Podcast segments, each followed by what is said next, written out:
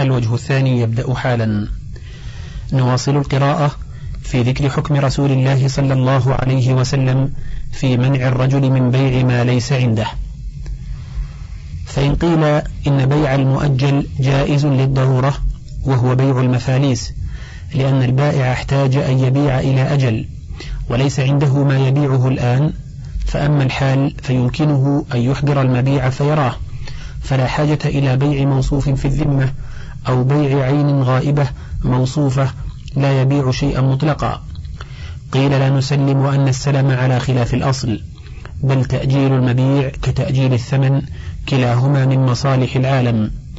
والناس لهم في مبيع الغائب ثلاثة أقوال منهم من يجوزه مطلقا ولا يجوزه معينا موصوفا كالشافعي في المشهور عنه ومنهم من يجوزه معينا موصوفا ولا يجوزه مطلقا كأحمد وأبي حنيفة. والأظهر جواز هذا وهذا ويقال للشافعي مثل ما قال هو لغيره إذا جاز بيع المطلق الموصوف في الذمة فالمعين الموصوف أولى بالجواز. فإن المطلق فيه من الغرر والخطر والجهل أكثر مما في المعين. فإذا جاز بيع حنطة مطلقة بالصفة فجواز بيعها معينة بالصفة أولى. بل لو جاز بيع المعين بالصفة فللمشتري الخيار إذا رآه جاز أيضا كما نقل عن الصحابة وهو مذهب أبي حنيفة وأحمد في إحدى الروايتين وقد جوز القاضي وغيره من أصحاب أحمد السلم الحال بلفظ البيع. والتحقيق أنه لا فرق بين لفظ ولفظ فالاعتبار في العقود بحقائقها ومقاصدها لا بمجرد ألفاظها. ونفس بيع الأعيان الحاضرة التي يتأخر قبضها يسمى سلفا إذا عجل له الثمن كما في المسند عن النبي صلى الله عليه وسلم أنه نهى أن يسلم في الحائط بعينه إلا أن يكون قد بدا صلاحه. فإذا بدا صلاحه وقال أسلمت إليك في عشرة أوسق من تمر هذا الحائط جاز كما يجوز أن يقول ابتعت عشرة أوسق من هذه الصبرة. ولكن الثمن يتأخر قبضه إلى كمال صلاحه فإذا عجل له الثمن قيل له سلف لأن السلف هو الذي تقدم والسالف المتقدم. قال الله تعالى فجعلناهم سلفا ومثلا للآخرين والعرب تسمي أول الرواحل السالفة ومنه قول النبي صلى الله عليه وسلم الحق بسلفنا الصالح عثمان بن مضعون وقول الصديق رضي الله عنه لأقاتلنهم حتى تنفرد سالفتي وهي العنق. ولفظ السلف يتناول القرض والسلم لأن المقرض أيضا أسلف القرض أي قدمه. ومنه هذا الحديث لا يحل سلف وبيع ومنه الحديث الآخر أن النبي صلى الله عليه وسلم استسلف بكرا وقضى جملا رباعيا. والذي يبيع ما ليس عنده لا يقصد إلا الربح وهو تاجر. فيستلف بسعر ثم يذهب فيشتري بمثل ذلك الثمن.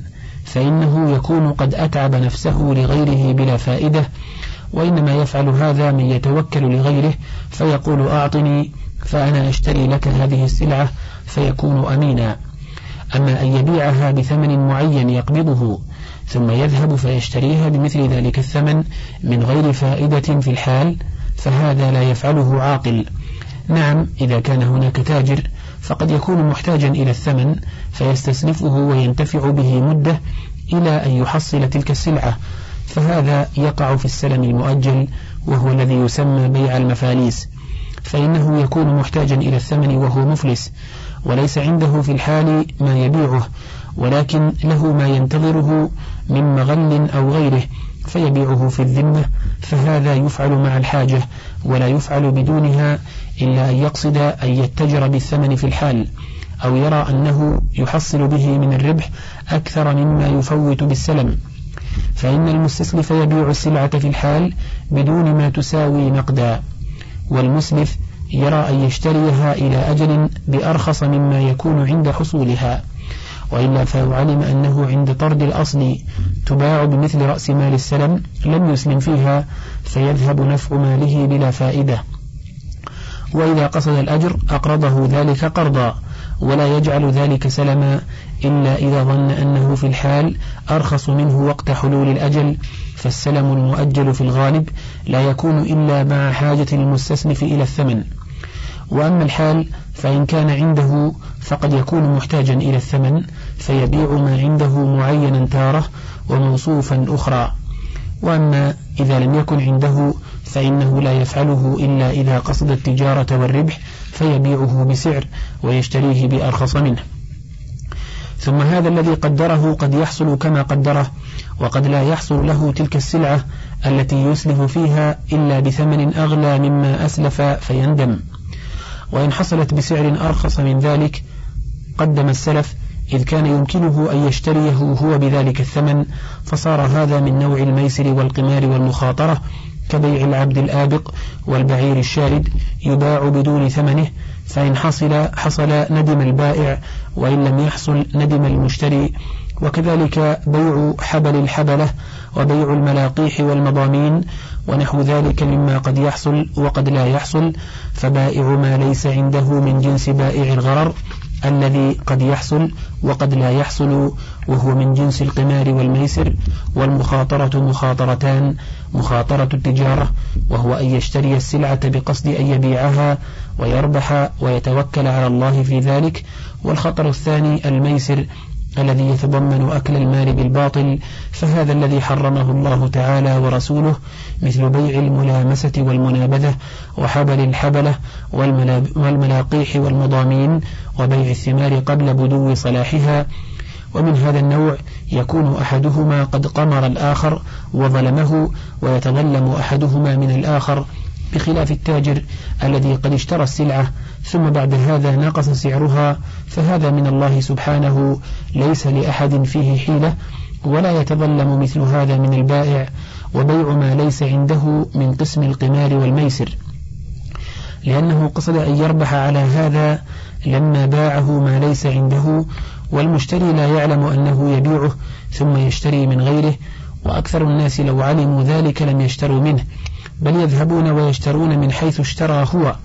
وليست هذه المخاطرة مخاطرة التجار بل مخاطرة المستعجل للبيع قبل القدرة على التسليم فإذا اشترى التاجر السلعة وصارت عنده ملكا وقبضا فحينئذ دخل في خطر التجارة وباع بيع التجارة كما أحله الله بقوله لا تأكلوا أموالكم بينكم بالباطل إلا أن تكون تجارة عن تراض منكم والله أعلم. ذكر حكم رسول الله صلى الله عليه وسلم في بيع الحصاة والغرر والملامسة والمنابذة. في صحيح مسلم عن أبي هريرة رضي الله عنه قال نهى رسول الله صلى الله عليه وسلم عن بيع الحصاة وعن بيع الغرر وفي الصحيحين عنه أن رسول الله صلى الله عليه وسلم نهى عن الملامسة والمنابذة. زاد مسلم أما الملامسة فأن يلمس كل منهما ثوب صاحبه بغير تأمل. والمنابذة أن ينبذ كل واحد منهما ثوبه إلى الآخر ولم ينظر واحد منهما إلى ثوب صاحبه الآخر. وفي الصحيحين عن أبي سعيد قال نهى رسول الله صلى الله عليه وسلم عن بيعتين ولبستين. نهى عن الملامسة والمنابذة في البيع والملامسة لمس الرجل ثوب الآخر بيده بالليل أو بالنهار ولا يقلبه إلا بذلك. والمنابذة أن ينبذ, الرجل إلى الرجل ثوبه وينبذ الآخر ثوبه ويكون ذلك بيعهما من غير نظر ولا تراض. أما بيع الحصاة فهو من باب إضافة المصدر إلى نوعه كبيع الخيار وبيع النسيئة ونحوهما وليس من باب إضافة المصدر إلى مفعوله كبيع الميتة والدم. والبيوع المنهي عنها ترجع إلى هذين القسمين. ولهذا فسر بيع الحصاة بأن يقول ارمي هذه الحصاة فعلى أي ثوب وقعت فهو لك بدرهم. وفسر بأن بيعه من أرضه قدر ما انتهت إليه رمية الحصاة. وفسر بأن يقبض على كف من حصى. ويقول لي بعاد ما خرج في القبضة من الشيء المبيع. أو يبيعه سلعة ويقبض على كف من الحصى. ويقول لي بكل حصاة درهم. وفسر بأن يمسك أحدهما حصاة في يده ويقول أي وقت سقطت الحصاة وجب البيع. وفسر بأن يتبايعا ويقول أحدهما إذا نبذت إليك الحصاة فقد وجب البيع. وفسر بأن يعترض القطيع من الغنم فيأخذ حصاة ويقول أي شاة أصبتها فهي لك بكذا. وهذه الصور كلها فاسدة لما تتضمنه من أكل المال بالباطل ومن الغرر والخطر الذي هو شبيه بالقمار. فصل وأما بيع الغرر فمن إضافة المصدر إلى مفعوله كبيع الملاقيح والمضامين والغرر هو المبيع نفسه وهو فعل بمعنى مفعول أي مغرور به كالقبض قبض والسلب بمعنى المقبوض والمسلوب. وهذا كبيع العبد الآبق الذي لا يقدر على تسليمه والفرس الشارد والطير في الهواء وكبيع ضربة الغائص وما تحمله شجرته أو ناقته أو ما يرضى له به زيد أو يهبه له أو يورثه إياه ونحو ذلك مما لا يعلم حصوله أو لا يقدر على تسليمه أو لا يعرف حقيقته ومقداره. ومنه بيع حبل الحبلة كما ثبت في الصحيحين أن النبي صلى الله عليه وسلم نهى عنه وهو نتاج النتاج في أحد الأقوال. والثاني أنه أجل فكانوا يتبايعون إليه هكذا رواه مسلم وكلاهما غرر. والثالث أنه بيع حمل الكرم قبل أن يبلغ. قاله المبرد. قال والحبلة الكرم بسكون الباء وفتحها. وأما ابن عمر رضي الله عنه فإنه فسره بأنه أجل كانوا يتبايعون إليه. وإليه ذهب مالك والشافعي.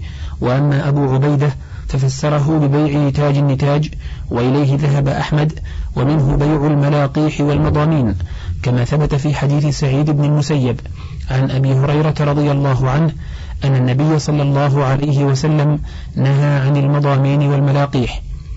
قال أبو عبيد الملاقيح ما في البطون من الأجنة والمضامين ما في أصلاب الفحول وكانوا يبيعون الجنين في بطن الناقة.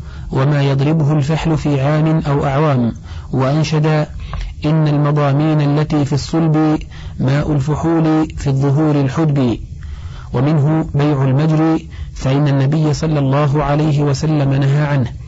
قال ابن الأعرابي المجر ما في بطن الناقة والمجر الربا والمجر القمار والمجر المحاقلة والمزابنة. ومنه بيع الملامسة والمنابذة. وقد جاء تفسيرهما في نفس الحديث. ففي صحيح مسلم عن أبي هريرة رضي الله عنه نهى عن بيعتين الملامسة والمنابذة. أما الملامسة فأن يلمس كل واحد منهما ثوب صاحبه بغير تأمل والمنابذة أن ينبذ كل واحد منهما ثوبه إلى الآخر ولم ينظر واحد منهما إلى ثوب صاحبه. هذا لفظ مسلم. وفي الصحيحين عن أبي سعيد قال نهانا رسول الله صلى الله عليه وسلم عن بيعتين ولبستين في البيع والملامسة لمس الرجل ثوب الآخر بيده بالليل أو بالنهار ولا يقلبه إلا بذلك والمنابذة أن ينبذ الرجل إلى الرجل ثوبه وينبذ الآخر إليه ثوبه ويكون ذلك بيعهما من غير نظر ولا تراض. وفسرت الملامسة بأن يقول بعتك ثوبي هذا على أنك متى لمسته فهو عليك بكذا. والمنابذة بأن يقول أي ثوب نبذته إلي فهو علي بكذا. وهذا أيضا نوع من الملابسة الملامسة والمنابذة. وهو ظاهر كلام أحمد رحمه الله والغرر في ذلك ظاهر وليس العلة تعليق البيع شرط بل ما تضمنه من الخطر والغرر. فصل. وليس من بيع الغرر بيع المغيبات في الأرض كاللفت والجزر والفجل والقلقاس والبصل ونحوها فإنها معلومة بالعادة يعرفها أهل الخبرة بها وظاهرها عنوان باطنها فهو كظاهر الصبرة مع باطنها ولو قدر أن في ذلك غرر فهو غرر يسير يغتفر في جنب المصلحة العامة التي لا بد للناس منها. فإن ذلك غرر لا يكون موجبا للمنع فإن إجارة الحيوان والدار والحانوت مساناه لا تخلو عن غرر لأنه يعرض فيه موت الحيوان وانهدام الدار وكذلك دخول الحمام وكذا الشرب من فم السقاء فإنه غير مقدر مع اختلاف الناس في قدره. وكذا بيوع السلم وكذا بيع الصبرة العظيمة التي لا يعلم مكيلها وكذا بيع البيض والرمان والبطيخ والجوز واللوز والفستق. وأمثال ذلك مما لا يخلو من الغرر. فليس كل غرر سببا للتحريم والغرر إذا كان يسيرا أو لا يمكن الاحتراز منه لم يكن مانعا من صحة العقد. فإن الغرر الحاصل في أساسات الجدران وداخل بطون الحيوان أو آخر الثمار التي بدا صلاح بعضها دون بعض لا يمكن الاحتراز منه. والغرر الذي في دخول الحمام والشرب من السقاء ونحوه غرر يسير فهذان النوعان لا يمنعان البيع بخلاف الغرر الكثير الذي يمكن الاحتراز منه وهو المذكور في الأنواع التي نهى عنها رسول الله صلى الله عليه وسلم. وما كان مساويا لها لا فرق بينها وبينه فهذا هو المانع من صحة العقد. فإذا عرف هذا فبيع المغيبات في الأرض انتفى عنه الأمران فإن غرره يسير ولا يمكن الاحتراز منه فإن الحقول الكبار لا يمكن بيع ما فيها من ذلك إلا وهو في الأرض. فلو شرط لبيعه إخراجه دفعة واحدة كان في ذلك من المشقة وفساد الأموال ما لا يأتي به شرع. وإن منع بيعه إلا شيئا فشيئا كلما أخرج شيئا باعه ففي ذلك من الحرج والمشقة وتعطيل مصالح أرباب تلك الأموال ومصالح المشتري ما لا يخفى. وذلك مما لا يوجبه الشارع ولا تقوم مصالح الناس بذلك البتة حتى إن الذين يمنعون من بيعها في الأرض إذا كان لأحدهم خراج كذلك أو كان ناظرا عليه لم يجد بدا من بيعه في الأرض اضطرارا إلى ذلك. وبالجملة فليس هذا من الغرر الذي نهى عنه رسول الله صلى الله عليه وسلم ولا نظيرا لما نهى عنه من البيوع. فصل وليس منه بيع المسك في فأرته بل هو نظير ما مأكوله في جوفه كالجوز واللوز والفستق وجوز الهند. فإن فأرته وعاء له تصونه من الآفات وتحفظ عليه رطوبته ورائحته وبقاؤه فيها أقرب إلى صيانته من الغش والتغير. والمسك الذي في الفأرة عند الناس خير من المنفوض وجرت عادة التجار ببيعه وشرائه فيها ويعرفون قدره وجنسه معرفة لا تكاد تختلف فليس من الغرر في شيء. فإن الغرر هو ما تردد بين الحصول والفوات وعلى القاعدة الأخرى هو ما طويت معرفته وجهلت عينه. وأما هذا ونحوه فلا يسمى غارا لا لغة ولا شرعا ولا عرفا. ومن حرم بيع شيء وادعى أنه غرر طولب بدخوله في مسمى الغار لغة وشرعا. وجواز بيع المسك في الفأرة أحد الوجهين لأصحاب الشافعي. وهو الراجح دليلا والذين منعوه جعلوه مثل بيع النوى في التمر والبيض في الدجاج واللبن في الضرع والسمن في الوعاء والفرق بين النوعين ظاهر. ومنازعوهم يجعلونه مثل بيع قلب الجوز واللوز والفستق في صوانه لأنه من مصلحته ولا ريب أنه أشبه بهذا من الأول. فلا هو مما نهى عنه الشارع ولا في معناه فلم يشتمله نهيه لفظا ولا معنى.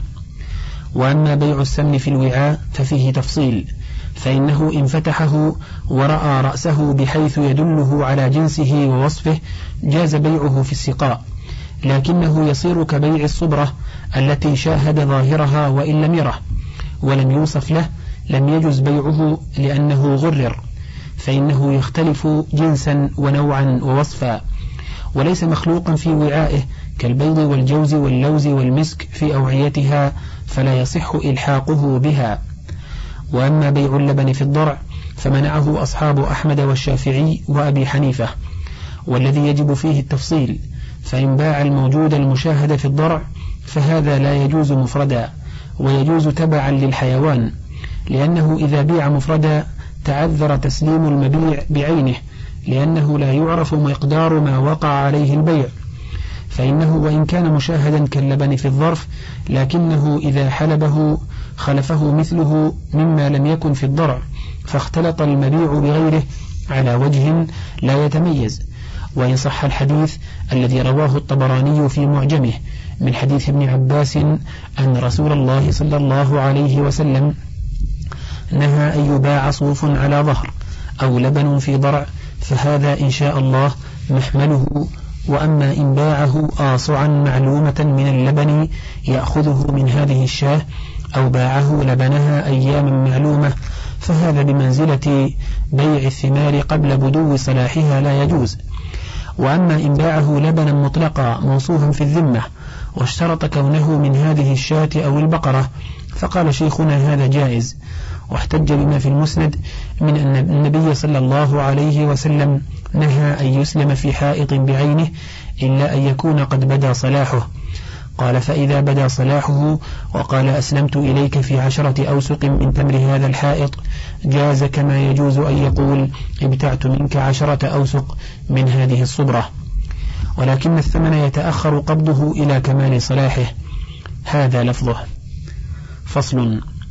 وأما إن أجره الشاة أو البقرة أو الناقة مدة معلومة لأخذ لبنها في تلك المدة فهذا لا يجوزه الجمهور. واختار شيخنا جوازه وحكاه قولا لبعض أهل العلم. وله فيها مصنف مفرد قال إذا استأجر غنما أو بقرا أو نوقا أيام اللبن بأجرة مسماة وعلفها على المالك أو بأجرة مسماة مع علفها على أن يأخذ اللبن جاز ذلك في أظهر قولي العلماء كما في الضئر قال وهذا يشبه البيع ويشبه الإجارة ولهذا يذكره بعض الفقهاء في البيع وبعضهم في الإجارة. لكن إذا كان اللبن يحصل بعلف المستأجر وقيامه على الغنم فإنه يشبه استئجار الشجر وإن كان المالك هو الذي يعلفها وإنما يأخذ المشتري لبنا مقدرا فهذا بيع محض. وإن كان يأخذ اللبن مطلقا فهو بيع أيضا. فإن صاحب اللبن يوفيه اللبن بخلاف الظئر فإنما هي تسقي الطفل. وليس هذا داخلا فيما نهى عنه صلى الله عليه وسلم من بيع الغرر لأن الغرر تردد بين الوجود والعدم فنهى عن بيعه لأنه من جنس القمار الذي هو الميسر والله حرم ذلك لما فيه من أكل المال بالباطل وذلك من الظلم الذي حرمه الله تعالى. وهذا إنما يكون قمارا إذا كان أحد المتعاوضين يحصل له مال والآخر قد يحصل له وقد لا يحصل. فهذا الذي لا يجوز كما في بيع العبد الآبق والبعير الشارد وبيع حبل الحبلة فإن البائع يأخذ مال المشتري والمشتري قد يحصل له شيء وقد لا يحصل ولا يعرف قدر الحاصل. فأما إذا كان شيئا معروفا بالعادة كمنافع الأعيان بالإجارة مثل منفعة الأرض والدابة ومثل لبن الظئر المعتاد ولبن البهائم المعتاد ومثل الثمر والزرع المعتاد فهذا كله من باب واحد وهو جائز. ثم إن حصل على الوجه المعتاد وإلا حط عن المستأجر بقدر ما فات من المنفعة المقصودة وهو مثل وضع الجائحة في البيع ومثل ما إذا تلف بعض المبيع قبل التمكن من القبض في سائر البيوع. فإن قيل مورد عقد الإجارة إنما هو المنافع لا الأعيان ولهذا لا يصح استئجار الطعام ليأكله والماء ليشربه. وأما إجارة الظئر فعلى المنفعة وهي وضع الطفل في حجرها وإلقامه ثديها واللبن يدخل ضمنا وتبعا. فهي كنقع البئر في إجارة الدار ويغتفر فيما دخل ضمنا وتبعا ما لا يغتفر في الأصول والمتبوعات. قيل الجواب عن هذا من وجوه. أحدها منع كون عقد الإجارة لا يرد إلا على منفعة. فإن هذا ليس ثابتا بالكتاب ولا بالسنة ولا بالإجماع بل الثابت عن الصحابة خلافه كما صح عن عمر رضي الله عنه أنه قبل, قبل حديقة أسيد ابن حضير ثلاث سنين وأخذ الأجرة فقضى بها دينه والحديقة هي النخل فهذه إجارة الشجر لأخذ ثمرها وهو مذهب أمير المؤمنين عمر بن الخطاب رضي الله عنه ولا يعلم له في الصحابة مخالف. واختاره أبو الوفاء ابن عقيل من أصحاب أحمد.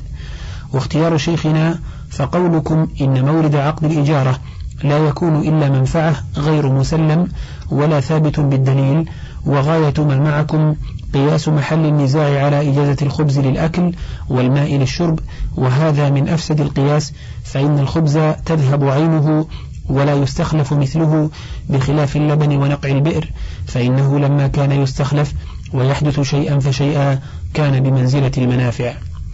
يوضحه الوجه الثاني وهو أن الثمر يجري مجرى المنافع والفوائد في الوقف والعارية ونحوها فيجوز أن يقف الشجرة لينتفع أهل الوقف بثمراتها كما يقف الأرض لينتفع أهل الوقف بغلتها. ويجوز إعارة الشجرة كما يجوز إعارة الظهر وعارية الدار ومنيحة اللبن. وهذا كله تبرع بنماء المال وفائدته. فإن من دفع عقاره إلى من يسكنه فهو بمنزلة من دفع دابته إلى من يركبها وبمنزلة من دفع شجرة إلى من يستثمرها وبمنزلة من دفع أرضه إلى من يزرعها وبمنزلة من دفع شاته إلى من يشرب لبنها فهذه الفوائد تدخل في عقود التبرع سواء كان الأصل محبسا بالوقف أو غير محبس ويدخل أيضا في عقود المشاركات فإنه إذا دفع شاة أو بقرة أو ناقة إلى من يعمل عليها بجزء من درها ونسلها صح على أصح الروايتين عن أحمد فكذلك يدخل في العقود للإيجارات. يوضحه الوجه الثالث وهو أن أعيان نوعان نوع لا يستخلف شيئا فشيئا بل إذا ذهب ذهب جملة. ونوع يستخلف شيئا فشيئا كلما ذهب منه شيء خلفه شيء مثله. فهذه رتبة وسطى بين المنافع وبين الأعيان التي لا تستخلف. فينبغي أن ينظر في شبهه بأي النوعين فيلحق به. ومعلوم أن شبهه بالمنافع أقوى فإلحاقه بها أولى. يوضحه الوجه الرابع. وهو أن الله سبحانه نص في كتابه على إجارة الظئر وسمى ما تأخذه أجرا وليس في القرآن إجارة منصوص عليها في شريعتنا إلا إجارة الظئر بقوله تعالى فإن أرضعن لكم فآتوهن أجورهن وأتمروا بينكم بمعروف قال شيخنا وإنما ظن الظان أنها خلاف القياس حيث توهم أن الإجارة لا تكون إلا على منفعة وليس الأمر كذلك بل الإجارة تكون على كل ما يستوفى مع بقاء أصله. سواء كان عينا أو منفعة كما أن هذه العين هي التي توقف, توقف وتعار فيما استوفاه الموقوف عليه والمستعير بلا عوض يستوفيه المستأجر وبالعوض. فلما كان لبن الظئر مستوفا مع بقاء الأصل جازت الإجارة عليه كما جازت على المنفعة وهذا محض القياس فإن هذه الأعيان يحدثها الله شيئا بعد شيء وأصلها باق كما يحدث الله المنافع شيئا بعد شيء وأصلها باق. ويوضحه الوجه الخامس وهو أن الأصل في العقود وجوب الوفاء إلا ما حرمه الله ورسوله فإن المسلمين على شروطهم إلا شرطا أحل حراما أو حرم حلالا فلا يحرم من الشروط والعقود إلا ما حرمه الله ورسوله. وليس مع المانعين نص بالتحريم البتة وإنما معهم قياس قد علم أن بين الأصل والفرع فيه من الفرق ما يمنع الإلحاق وأن القياس الذي مع من أجاز ذلك أقرب إلى مساواة الفرع لأصله وهذا ما لا حيلة فيه وبالله التوفيق. يوضحه الوجه السادس وهو أن الذين منعوا هذه الإجارة لما رأوا إجارة الظئر ثابتة بالنص والإجماع والمقصود بالعقد إنما هو اللبن وهو عين تمحلوا لجوازها أمرا يعلمونهم والمرضعة والمستأجر بطلانه. فقالوا العقد إنما وقع على وضعها الطفل في حجرها وإلقامه ثديها فقط واللبن يدخل تبعا. والله يعلم والعقلاء قاطبة أن الأمر ليس كذلك وأن وضع الطفل في حجرها ليس مقصودا أصلا ولا ورد عليه عقد الإجارة لا عرفا ولا حقيقة ولا شرعا ولو أرضعت الطفل وهو في حجر غيرها أو في مهده لاستحقت الأجرة. ولو كان المقصود إلقام الثدي المجرد لاستؤجر لها كل امرأة لها ثدي. ولو لم يكن لها لبن فهذا هو القياس الفاسد حقا والفقه البارد. فكيف يقال إن إجارة الظئر على خلاف القياس ويدعى يدعى أن هذا هو القياس الصحيح؟ الوجه السابع أن النبي صلى الله عليه وسلم ندب إلى منيحة العنز والشاة للبنها وحض على ذلك وذكر ثواب فاعله.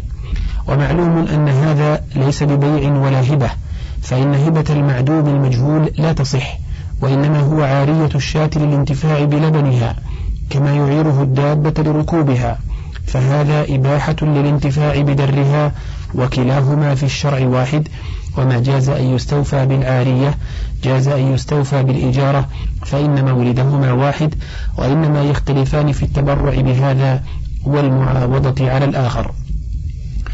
والوجه الثامن ما رواه حرب الكرماني في مسائله حدثنا سعيد بن منصور حدثنا عباد بن عباد عن هشام بن عروة عن أبيه أن أسيد بن حضير توفي وعليه ستة آلاف درهم دين. فدعا عمر بن الخطاب رضي الله عنه رماءه فقبلهم أرضه سنتين وفيها الشجر والنخل وحدائق المدينة الغالب عليها النخل والأرض البيضاء فيها قليل فهذا إجارة الشجر لأخذ ثمرها. ومن ادعى أن ذلك خلاف الإجماع فمن عدم علمه بل ادعاء الإجماع على جواز ذلك أقرب فإن عمر رضي الله عنه فعل ذلك بالمدينة النبوية بمشهد المهاجرين والأنصار وهي قصة في مظنة الاشتهار ولم يقابلها أحد بالإنكار بل تلقاها الصحابة بالتسليم والإقرار وقد كانوا ينكرون ما هو دونها وإن فعله عمر رضي الله عنه كما أنكر عليه عمران بن حسين وغيره شأن متعة الحج ولم ينكر أحد هذه الواقعة. وسنبين إن شاء الله تعالى أنها محض القياس وأن المانعين منها لا بد لهم منها وأنهم يتحيلون عليها بحيل لا تجوز. الوجه التاسع أن المستوفى بعقد الإجارة على زرع الأرض هو عين من الأعيان وهو المغل الذي يستغله المستأجر وليس له مقصود في منفعة الأرض غير, غير ذلك. وإن كان له قصد جرى في الانتفاع بغير الزرع فذلك تبع. فإن قيل المعقود عليه هو منفعة شق الأرض وبذرها وفلاحتها والعين تتولد من هذه المنفعة كما لو استأجر لحفر بئر فخرج منها الماء فالمعقود عليه هو نفس العمل لا الماء. قيل مستأجر الأرض ليس له مقصود في غير المغل والعمل وسيلة مقصودة لغيرها ليس له فيه منفعة بل هو تعب ومشقة وإنما مقصوده ما يحدثه الله من الحب بسقيه وعمله. وهكذا مستأجر الشاة للبنها سواء مقصوده ما يحدثه الله من لبنها بعلفها وحفظها والقيام عليها. فلا فرق بينهما البتة إلا ما لا تناط به الأحكام من الفروق الملغاة. وتنظيركم بالاستئجار لحفر البئر تنظير فاسد بل نظير حفر البئر أن يستأجر أكارا لحرث أرضه ويبذرها ويسقيها ولا ريب أن تنظير إجارة الحيوان للبنه بإجارة الأرض لمغنها هو محض القياس وهو كما تقدم أصح من التنظير بإجارة الخبز للأكل. يوضحه الوجه العاشر وهو أن الغرر والخطر الذي في إجارة الأرض لحصول مغلها أعظم بكثير من الغرر الذي في إجارة الحيوان للبنه فإن الآفات والموانع التي تعرض للزرع أكثر من آفات اللبن فإذا اغتفر ذلك في إجارة الأرض فلأن يغتفر في إجارة الحيوان للبنه أولى وأحرى. فصل فالأقوال في العقد على اللبن في الضرع ثلاثة أحدها منعه بيعا وإجارة وهو مذهب أحمد والشافعي وأبي حنيفة والثاني جوازه بيعا وإجارة والثالث جوازه إجارة لا بيعا وهو اختيار شيخنا رحمه الله. وفي المنع من بيع اللبن في الضرع حديثان أحدهما حديث عمر بن فروخ وهو ضعيف عن حبيب بن الزبير عن عكرمة عن ابن عباس رضي الله عنهما مرفوعا نهى أن يباع صوف على ظهر أو سن في لبن أو لبن في ضرع.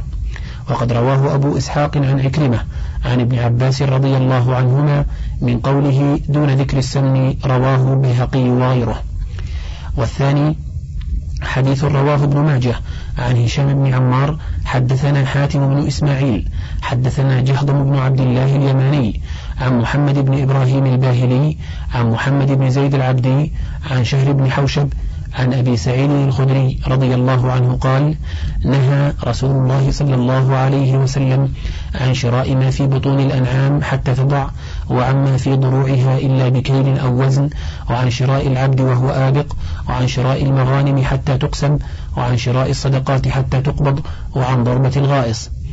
ولكن هذا الإسناد لا تقوم به حجة والنهي عن شراء ما في بطون الأنعام ثابت بالنهي عن الملاقيح والمضامين. والنهي عن شراء العبد الآبق وهو آبق معلوم بالنهي عن بيع الغرر. والنهي عن شراء المغانم حتى تقسم داخل في النهي عن بيع ما ليس عنده فهو بيع غرر ومخاطرة وكذلك الصدقات قبل قبضها. وإذا كان النبي صلى الله عليه وسلم نهى عن بيع الطعام قبل قبضه مع انتقاله إلى المشتري وثبوت ملكه عليه وتعيينه له وانقطاع تعلق غيره به فالمغانم والصدقات قبل قبضها أولى بالنهي. وأما ضربة الغائص فغرر ظاهر لا خفاء به.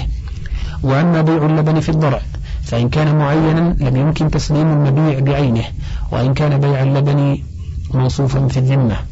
فهو نظير بيع عشرة أقفزة مطلقة من هذه الصبرة وهذا النوع له جهتان. جهة إطلاق وجهة تعيين ولا تنافي بينهما وقد دل على جوازه نهي النبي صلى الله عليه وسلم أن يسلم في حائط بعلمه إلا أن يكون قد بدا صلاحه. رواه الإمام أحمد. فإذا أسلم إليه في كيل معلوم من لبن هذه الشاة وقد صارت لبونا جاز ودخل تحت قوله ونهى عن بيع ما في ضروعها إلا بكيل أو وزن. فهذا إذن لبيعه بالكيل والوزن معينا أو مطلقا لأنه لم يفصل ولم يشترط سوى الكيل والوزن ولو كان التعيين شرطا لذكره. فإن قيل فما تقولون لو باعه لبنها أياما معلومة من غير كيل ولا وزن قيل إن ثبت الحديث لم يجوز بيعه إلا بكيل أو وزن وإن لم يثبت وكان لبنها معلوما لا يختلف بالعادة جاز بيعه أياما وجرى حكمه بالعادة مجرى كيله أو وزنه. وإن كان مختلفا فمرة يزيد ومرة ينقص أو ينقطع فهذا غرر لا يجوز. وهذا بخلاف الإجارة فإن اللبن يحدث على ملكه بعلفه الدابة كما يحدث الحب على ملكه بالسقي فلا غرر في ذلك. نعم إن نقص اللبن عن العادة أو انقطع فهو بمنزلة نقصان المنفعة في الإجارة أو تعطيلها يثبت للمستأجر حق الفسخ أو ينقص عنه من الأجرة بقدر ما نقص عليه من المنفعة. هذا قياس المذهب. وقال ابن عقيل وصاحب المغني إذا اختار الإمساك لزمته جميع الأجرة لأنه رضي بالمنفعة ناقصة فلزمه جميع العوض كما لو رضي بالمبيع معيبا والصحيح أنه يسقط عنه من الأجرة بقدر ما نقص من المنفعة لأنه إنما بذل العوض الكامل في منفعة كاملة سليمة فإذا لم تسلم له لم يلزمه جميع العوض. وقولهم إنه رضي بالمنفعة معيبة فهو كما لو رضي بالبيع معيبا جوابه من وجهين. أحدهما أنه إن رضي به معيبا بأن يأخذ أرشه كان له ذلك في ظاهر المذهب فرضاه بالعيب مع الأرش لا يسقط حقه. الثاني إن قلنا إنه لا أرش لممسك له الرد ولم يلزم سقوط الأرش في الإجارة لأنه قد استوفى بعض المعقود عليه فلم يمكنه رد المنفعة كما قبضها ولأنه قد يكون عليه ضرر في رد باقي المنفعة وقد لا يتمكن من ذلك فقد لا يجد بدا من الإمساك فإلزامه بجميع الأجرة مع العيب المنقص ظاهرا ومنعه من استدراك ظلامته إلا بالفسخ ضرر عليه. ولا سيما لمستأجر الزرع والغرس والبناء أو مستأجر دابة للسفر فتتعيب في الطريق فالصواب أنه لا أرش في المبيع لممسك له الرد وأنه في الإجارة له الأرش.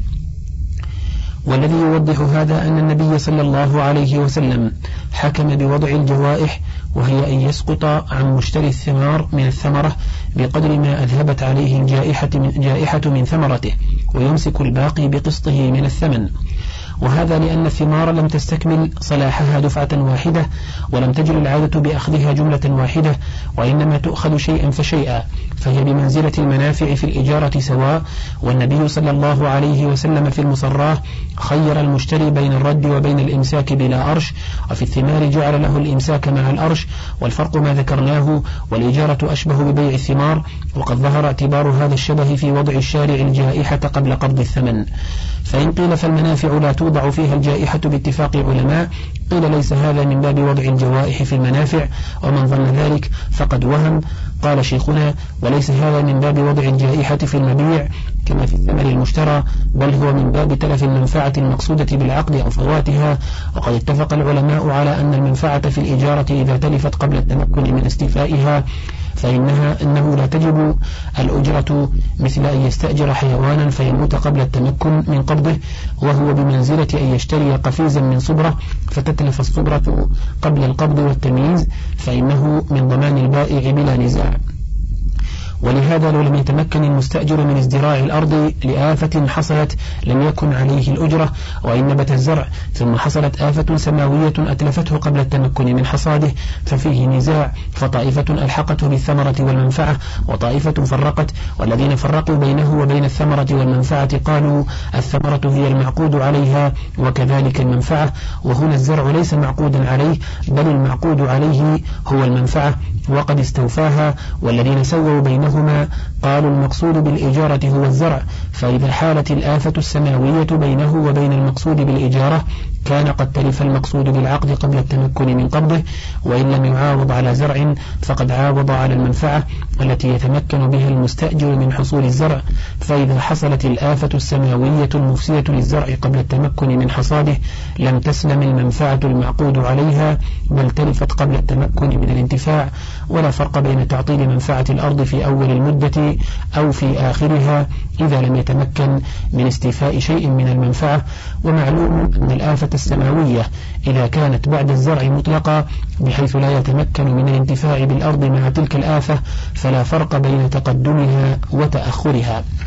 فصل. وأما بيع الصوف على الظهر فلو صح هذا الحديث بالنهي عنه لوجب القول به ولم تسغ مخالفته. وقد اختلفت الرواية فيه عن أحمد فمرة منعه ومرة أجازه بشرط جزه في الحال. ووجه هذا القول أنه معلوم يمكن تسليمه فجاز بيعه كالرطبة. وما يقدر من اختلاط المبيع الموجود بالحادث على ملك البائع يزول بجزه في الحال. والحادث يسير جدا لا يمكن ضبطه. هذا ولو قيل بعدم اشتراط جزه في الحال. ويكون كالرطبة التي تؤخذ شيئا فشيئا. وإن كانت تطول في زمن أخذها كان له وجه صحيح. وغايته بيع معدوم لم يخلق تبعا للموجود فهو كأجزاء الثمار التي لم تخلق فإنها تتبع الموجود منها. فإذا جعل للصوف وقتا معينا يؤخذ فيه كان بمنزلة أخذ الثمرة وقت كمالها. ويوضح هذا أن الذين منعوه قاسوه على أعضاء الحيوان وقالوا متصل بالحيوان فلم يجز إفراده بالبيع كأعضائه.